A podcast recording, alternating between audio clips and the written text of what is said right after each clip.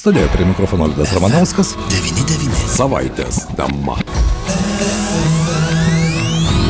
FM 99. Šiandienos savaitės temoje kalbėsime aktualią temą. Pasirodo, Lietuva priskirta prie mažai arba visai savo tarptautinių įsipareigojimų nevykdančių šalių ir už teisės saugos darbą buvo įvertinta prašiau negu Latvija bei Estija. Mes atsidūrėme toje pačioje grupėje, kurioje yra Lenkija, Rusija, Airija ir Čekija. Apie šį tyrimą ir kodėl tokia situacija susiklostė, apie tai mes kalbame su Transparency International Lietuvos skyriaus iniciatyvų vadovė Deimantė Žemgulytė. Labadiena, gerbima Deimantė. Sveiki. Na, visada džiaugiamės, kai Lietuva viename ar kitame tyrime atsiduria kiek aukščiau, tai ko gero tai iš tikrųjų motivacija papildoma yra, bet štai šio konkrečiu atveju, kalbant apie teisės saugos darbą, čia mes esame prašiau įvertinti negu mūsų kaimynai Lenkija šalia, o štai Latvija ir Estija geriau įvertintos. Kodėlgi taip yra, nejaugi mes taip nevykdome tų prisimtų savo įsipareigojimų? E, tai pirmiausia, uh, norėčiau tikėti, kad ką Jūs kalbate apie motivaciją ir geresnius rezultatus skatinančius stengtis dar geriau, tai norėtų tikėti, kad šitas toks, uh, sakykime, žudintuvas skambutis padės mums rasti motivacijos uh, išlipti iš tos paskutinės grupės, e, ribot mažai ir visai neįgyvendinančio EBPO konvencijos ir bent jau grįžti į tą grupę, kurioje buvome prieš kelias metus, Taip. prie ribojimai, ribotai įgyvendinančių konvencijų. Mes kalbame būtent apie, apie kovą su kišininkavimu. Kišininkavimu. Taip, taip, taip kas yra labai aktualu. Ir, ir iš tiesų, ką gal verta paminėti, tai kad šita konvencija, aš suprantu, kad jos pavadinimas ir apskritai jinai pati gali skambėti kiek mislingai, bet viskas yra pakankamai tiesmuka. Tai ji yra laikoma vienu svarbiausiu kovos su korupcija įrankį pasaulyje, nes ją pasirašysioms šalims priklauso apie 66 procentai viso pasaulio eksporto rinkos, o jos tikslas iš principo yra kovoti su užsienio pareigūnų papirkimu, kuomet verslai siekia sudarinėti tarptautinius sandorius, siekia patekti į užsienio rinkas, tai iš principo užtikrinti, jog verslo plėtra veikia skaidriai. Na, čia mes turime e, labai aiškių pavyzdžių, ar ne? Čia pat toli nereikia eiti, mūsų kaiminė Rusija, ji jau ne vieną dešimtmetį vykdo štai tokią korumpuotą politiką ir kas, jeigu pažvelgti netgi į dabartinę situaciją, duodavo jai neblogų dividendų ir sugebėdavo prasiskverbti į tas rinkas, apeidama ir tam tikrus ribojimus ir tam tikras nustatytas taisyklės. Tai nejaugi mes dabar atsidūrime toje pačioje vienoje grupėje. Tai iš ties taip, esam toje pačioje e, grupėje, kadangi nuo 2018 metų Lietuvoje buvo pradėtas vos vienas tyrimas. E, jeigu pažiūrėtume į tą pačią Latviją ir Estiją, kur, apie kurias jau šiek tiek, apie kurias užsiminėt, tai šitos valstybės atrodo kur kas geriau. Tai matom, kad tų bylų yra, tų atvejų yra, e, bet Lietuvai vis dar sunkiai sekasi apčiuopti tos tyrimus ir pradėti tos tyrimus. Nuo priežasčių dėl šito e, yra iš tiesų kelios. Ką patys girdim, kas yra tie keli dalykai, kurie, kurie kliudo ir kurie tampa iššūkiais. Tai pirmiausia, šituo atveju reikalingas aktyvus tarptautinis bendradarbiavimas. Vėlgi tikrai suprantu, kad gali skambėti keistai, kas iš to bendradarbiavimo, bet reikia suprasti, jog kalbam apie tarptautinę konvenciją, apie kišininkavimą užsienyje, o teisinis reglamentavimas, kaip visi tikriausiai suprantam, skiriasi skirtingose šalise. Mūsų teisės saugos institucijos ten neturi jurisdikcijos, tai turi kliautis tų um, valstybių institucijų parama ir pagalba.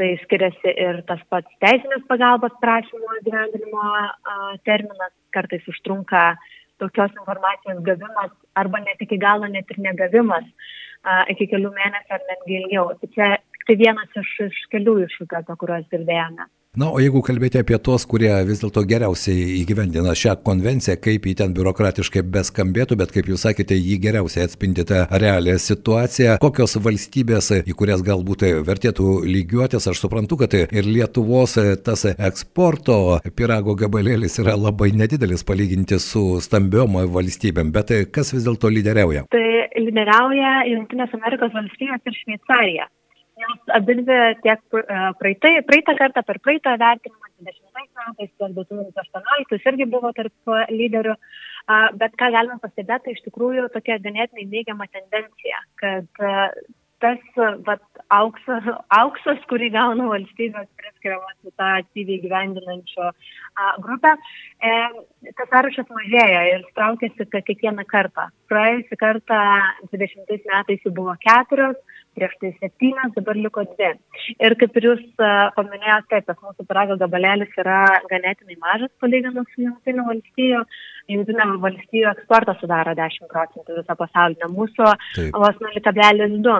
Tai lygintis, aišku, yra sudėtinga, bet būtent dėl to metodologija yra tokia, kuri būtent ir šitai apsvarsto ir pasveria. E, tai mums, pavyzdžiui, reikėtų kur kas mažiau bylų ir kur kas mažiau bylų, kurios baigėsi sankcijomis, nes būtent tai irgi yra įtraukiama į, į, į skaičiavimus, kad patektume prie tų aktyviai įgyvendinančių e, konvenciją. Nes vėlgi, jeigu palygintume net ir Ameriką su Šveicarija, matytume, jog Junktinės valstijos šioje grupėje yra su daugiau nei 1300 balų, o Šveicarija su 101. Tai kad turime šansų ten papulti, aš tikrai tikiu, bet turime tikrai nemažai nuveikti. Ir štai, kalbant apie konkrečius dalykus, jūsų nuomonė, ką reikėtų nuveikti, kad mes ne vien tik tai atsidurtume kitoje grupėje, na, bet kažkaip tai ta kaiminystė su Rusija mane taip keistai veikia, žinant, kad dabartinė situacija ir tūkstančiai sankcijų ir būtent verslui dabar ta terpė mm, korupciniams susitarimams tampa kur kas palankesnė, nes suinteresuotų pusių yra kur kas daugiau. Taip, visiškai sutinku. O dėl rekomendacijų ir tokių tikslesnių žingsnių, tai tikriausiai nenustebinsiu, kad uh, jos labai aiškiai atliepia tai, kokie yra ir iššūkiai. Tai ir pradėti iš tikrųjų nuo to, jog reikia stengtis ieškoti būdų, skatinti tarptautinį bendradarbiavimą su kitomis valstybėmis, siekiant užtikrinti greitesnį informacijos dalinimosi procesą, Taip pat verslo asociacijoms, kadangi verslas yra vienas iš esminių veikėjų, šis, kai kalbam apie išmininkavimą svetur, tai asociacijoms ir verslams užimti aiškesnę poziciją ir šviesti savo darbuotojus šitomis temomis, diskutuoti apie korupciją. Nes ką matome, tai iš tikrųjų, kad tie asmenys, kurie yra atsakingi, ar tai ambasado atstovai, ar tai verslo atstovai, kurie veikia užsienyje, jie dažnai nežino nei apie tokius įsipareigojimus, nei dažnai kaip atpažinti korupciją, nei kokios prevencinės priemonės veikia. Paskutinis Lietuvos korupcijos žemėlapis rodo, jog daugiau negu 60 procentų nėra girdėję apie jas. Ir, ir galiausiai atverti duomenis, kelti daugiau duomenų, Taip. kurie iš tikrųjų padėtų geriau įsivertinti suprasti, ar sėkmingai veikiam, kaip sėkmingai veikiam ir to pačiu traukti visuomenį stebėseną. Pavyzdžiui, atverti galutinį naudos gavėjų registrą, kuris veikia nuo, nuo rūpničio mėnesio Lietuvoje bet jis vis dar nėra atvirų domenų formatu, kaip Latvijoje ar Estijoje, taip, taip, taip. o jis iš ties vaidina labai svarbu vaidmenį. Štai apie atvirus duomenis mes su jumis ne vieną kartą esame ir su jūsų kolegėmis diskutavę ir man toks susidaro įspūdis, kad kuo toliau tai yra toks bazinis pagrindas, kuris ko gero tą e, piramidę galėtų statyti kur kas lengviau ir greičiau, svarbiausia, įtraukiant ir visuomenę, na ir pagaliau tai būtų įrankis ir žurnalistams ir galbūt tokiu atveju tų korupcinio apraiškų būtų mažiau, bet vis dėlto dėlto, Daimantė, norėčiau paklausti jūsų, ar turite kažkokių konkrečių duomenų apie bylas, kurios vis dėlto buvo pradėtos Lietuvoje ir kiek jų buvo? Taip, tai jeigu žiūrėtume bendrai, a, tik tai primenu, kad a, konvenciją mes pasirašėme 2017 metais. Į šitą vertinimą esame įtraukti nuo 2018. Ten šiek tiek dar buvo paimtas kelių metų į priekį tas skirtumas padengtas, tai galiu pasakyti, jog nuo 2016 metų Lietuvoje buvo pradėti trys iki teisminiai tyrimai kurie buvo susijęs su užsienio pareigūnų papirkimu. Tai vienas iš jų, pats pirmasis, jis buvo susijęs su orlaivių ir inžinerijos kampanijos kyšininkavimu Junktinėse valstijose. Kitas galbūt net ir daugiau kam girdėtas, kadangi jame figuravo ir vienas iš Lietuvos politikų, tai buvo susijęs su šaldyto maisto kompanijos nusikaltimais Rusijoje, kai buvo bandoma papirkti veterinarijos tarnybos vadovą Kaliningrade. Na ir pats paskutinis, kuris įtrauktas yra ir šį tyrimą, kadangi jis buvo pradėtas vėliausiai, tai yra e, tyrimas dėl farmacijos priemonių įmonės kišininkavimo Latvijoje, kuomet įmonė siekia monopolizuoti rinką. E, visgi visi šitie trys tyrimai, jie galiausiai buvo nutraukti arba pasibaigė dėl įrodymų trūkumo ar nusikaltimo sudėties nebuvimo. Tai nepasiekė teismų ir nei vienas nesibaigė su kažkokiamis sankcijomis. Bet tai, tai irgi liūdnas signalas, ar ne, jeigu vis dėlto jie visi, nenustačius nusikaltimo požymių, buvo nutraukti, nors kalbant apie tą patį Seimo narį Petrą Gražulį, kuris figuravo viename iš tokių teisminių e, procesų, atrodo, kad ten viskas buvo daugiau negu akivaizdu, bet teismo džiunglėse ir tokie procesai užstrigo. Taip, dėl to iš tikrųjų būtų svarbu, kalbant apie tos pačius atvirus duomenis, sistemintai pateikti informaciją ir apie bylas, kurios yra nagrinėjamos būtent susijusios su e, kišininkavimu užsienyje. Nes šiuo metu mes informaciją apie tai galime sužinoti iš antraščių, e, bet tokio proceso ir stebėsenos prasme mes e, šito padaryti negalime. Tad irgi tai būtų dar vienas žingsnis, kuris net ir padėtų išvengti tokių abejonių, galbūt netgi ir dėl teismų darbo. Nes nebejoju, kad mūsų teismai puikiai veikia, bet to pačiu, kaip jūs ir sakote, kartais kyla abejonių, kodėlgi vis dėlto tos bylos, kurios mums iš šono atrodo ganėtinai akivaizdžios ir atrodo tai, kodėlgi tie žmonės buvo paleisti arba kodėl tyrimai buvo nutraukti, kodėl taip įvyksta. Na vis dėlto vėl grįžtame prie to paties duomenų atverimas. Kuo didesnis duomenų atverimas, ypatingai mano nuomonė Deimantė šiame tokiame neramame geopolitinėme pasaulyje, ar ne, ir kai tų įtakų dabar ir matomų, ir nematomų, ir povandeninių, ir labai giluminių yra begalė daug. Jūsų nuomonė, ko reikia? Politikų sprendimo, tam tikrų įrankių, atrodo, įrankiai visi žinome, jūs juos kai kuriuos įvardinote kaip pagrindą, tai yra duomenų atverimas atvėrimą, bet kodėl trūksta tam tikros, nežinau, galbūt politinės valios, galbūt inercija dar veikia. Kaip jums atrodo? E, manau, kad taip trūksta e, tiek ir politinės valios. E, ir nematau priežasčių, kodėl mes negalime kaip Latvija arba Estija atverti, pavyzdžiui, tų pačių galutinių naudos gavėjų registro atvirų domenų formatu. Ir ne vieną kartą vėlgi kalbėjote ir su mano kolegomis apie tai, jog turėtume susitarti, kas yra svarbiau viešasis interesas ar ta pati domenų apsauga, kadangi tai tampa dar vienu klausimu. E, netverti ir nesidalinti e, tais duomenimis. Bet labai tikiuosi, kad e, pajudėsime į priekį, nes tie duomenys svarbus tiek, kai kalbame apie antikorupciją, tiek apie pinigų plovimo prevenciją, o pinigų plovimas ko ne, neatsiema dalis nuo korupcijos. Čia aš su jumis tikrai sutinku ir ypatingai dabar tai tame sankcijų pasaulyje, ar ne, kalbant apie tą pačią Rusijos įtaką, mano nuomonė, tai e, įrankis, kuris iš tikrųjų galėtų padėti ir ne vieną kartą ir kolegos žurnalistai, bandydami atlikti vieną ar kitą tyrimą, susidūrė su tą pačią problemą, tai yra galutinė naudos gavėjo nustatymas tampa labai problematiškas. Na, o turint tuos įrankius, nebejoju, kad ir tie, kurie štai dalyvauja tokiuose kišininkavimo schemose, tyrimuose, jie vis dėlto pagalvotų apie tai, jeigu duomenės būtų atviri. Taip, tikrai taip. Visiškai sutinku su jumis. Na štai, šiandien noriu padėkoti Deimantė Jums už, už pokalbį. Liūdna, kad mes atsidūrėme toje grupėje su Lenkija, Rusija, Airija ir Čekija. Na, kaip matome, čia ir ES narės, ir mūsų didžioji kaiminė, kurioje tokie dalykai buvo įprasti. Jūsų nuomonė, dabar tokie tyrimai, kas kiek laiko jie yra atliekami, nesvarbu, žinoma, ne tik tyrimas ir ta vienokia ar kitokia vieta, bet ir reali situacija mūsų šalyje. Tai būtent šis tyrimas, kuris yra susijęs susijęs su už, e, kišininkavimo svetur, jis yra atliekamas kas dviejus metus. Tai labai tikiuosi, kad e, po dviejų metų galėsim jau pasidžiaugti geresniais rezultatais.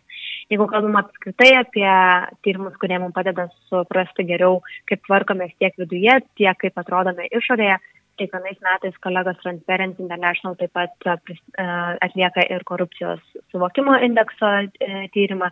Taip pat kolegos specialiųjų tyrimų tarnyboje kasmet sausio vasario mėnesį pristato ir Lietuvos korupcijos žemėlapį. Tai irgi gera galimybė suprasti, kur esam ir kur dar turėtume pasitemti. Mhm. Na ir dar porą trumpų klausimų. Deimantė, jums, kaip jums atrodo, ar vis dėlto pranešėjo apsaugos įstatymas jis dirba taip, kaip turėtų dirbti? Tai pirmasis klausimas. Kaip jums atrodo, taip arba ne? Manau, kad jisai pradeda įsibėgėti bet dar turime kur pasitemti tam, kad geriau suprastume, ar tikrai uh, žmonės jaučiasi saugiai, kad galėtų pranešti ir tai iš tikrųjų pagerina darbo aplinką. Na ir dar vienas klausimas, tai yra kalbant apie pinigų plovimo ir tas e, prevencinės priemonės, ar jos tikrai dirba taip, kaip turėtų dirbti? Ha, iš šitą sunku atsakyti taip trumpai iš tikrųjų, nes matom, kad e, griežtėja tiek įstatymai griežtėja, tiek prevencinės priemonės griežtėja, skiriama daugiau finansinių resursų, bet ar taip pat turime dar kur padirbėti, taip tikrai turime. Tie patys atviri duomenys, galutinių naudos gavėjų registras, taip pat kompetencijų kelimas tiek įmonės finansinėse įstaigose, tiek mūsų institucijose, kurios dirba būtent su šiomis temomis net ir tyrimai padėtų geriau suprasti, koks yra tas pinigų plovimo mastas, nes dabar neturime nei duomenų, nei tyrimų, kurie mums galėtų padėti suprasti, tai kokioje situacijoje šiuo metu iš tiesų esame. Ypatingai, kai Lietuvoje kuriasi tiek daug kriptovaliutų įmonių Taip. bei finansinių technologijų institucijų. Na ir informacijos klaida tiek apie pačius atvejus, tiek apie tokio tipo ir ikiteisminius tyrimus bylas. Mano nuomonė, ji turėtų būti lengviau prieinama ir visuomeniai, kalbant apie tą patį visuomenės bendruomenės interesą. Vėlgi visiškai galiu tik tai pritarti Jums. Būtent dėl to manau, kad svarbu yra apie tos pačius teismų nuosprendžius ir pačias bylas, kurios yra nagrinėjamos, viešai skelbti, kad būtų lengva prieiti, būtų lengva paskaityti tiems, kuriems įdomu, kad tai nekeltų jokių abejonių piliečiams, kaip yra kaip, yra, kaip e, vyksta teisingumas iš tipo šalyje. Be jokios abejonės, štai ir šių dienų e, tokia gyvenimo realija, nors tai nesusiję su kitomis šalimis, e, taip vadinama teisėjų korupcijos byla, pirmasis posėdis, bet jis kažkodėl bus slaptas ir tai iš karto visuomenėje kelia tam tikrą nepasitikėjimą ir pačią sistemą. Taip, sutinku, šiandieną kaip tik ryte taip pat skaičiu apie tą patį atvejį, apie kurį jūs užsiminėte, man irgi greičiausiai kila tie, pat, tie patys klausimai kaip ir e, visuomeniai. Tai noriu tikėti, kad klausime atsakymą, kodėl būtent buvo pasirinktas toks toks būdas pirmojo susitikimo, pirmojo posėdžio. Netgi tie patys politikai apie tai galėtų kalbėti, e, mano nuomonė, drąsiau, atviriau, garsiau, bendraujant su bendruomenė, galbūt apie tai kalbėti, o ne, e, ne vien galvoti apie savo rinkiminį laiką ir būsimus ar esamus e, savo rinkėjus. Taip, ir manau, kad tas bendravimas ir bendravimas su grupėmis irgi yra labai svarbus, nes ne vieną kartą minėjome ir mano kolegė pristatydama parlamento susitikimus parlamentarus interesų grupėmis vėlgi ne vieną kartą akcentavo ir akcentuojame, kad yra svarbu susitikti, yra svarbu pasakoti apie nuveiktus darbus, yra svarbu pasakoti, su kuo susitinka, į kokius pasiūlymus priimama, atkreipiamas dėmesys, kurie iš jų yra priimami, tam, kad iš principo geriau atsektume tiek teisėtvarkos pėtsaką, tiek didintume pasitikėjimą, visuomenės pasitikėjimą priimamais sprendimais ir tais pačiais politikais. Ir ne tik rinkiminio laikotarpio, kad ir jūs minėjote. Taip, ačiū Jums šiandien. Deimantė Žemgulytė, Lietuvos Transparency International skiriaus iniciatyvų vadovė buvo mūsų pašnekovė. Dėkui Jums, kad suradote laiko, pakalbėjome įdomią temą, aš tikiuosi, kad jį įdomi ir mūsų klausytojams. Ačiū Jums. Ačiū labai. Tai irgi yra visuomenės interesas, nors tai atrodo gana miglotai, kalbant apie kišininkavimo konvenciją, bet vis dėlto su tuo realiame gyvenime, ko gero daugelis iš mūsų susiduria ir kiekvieną dieną. Radio stotis FM99. Šios savaitės tema.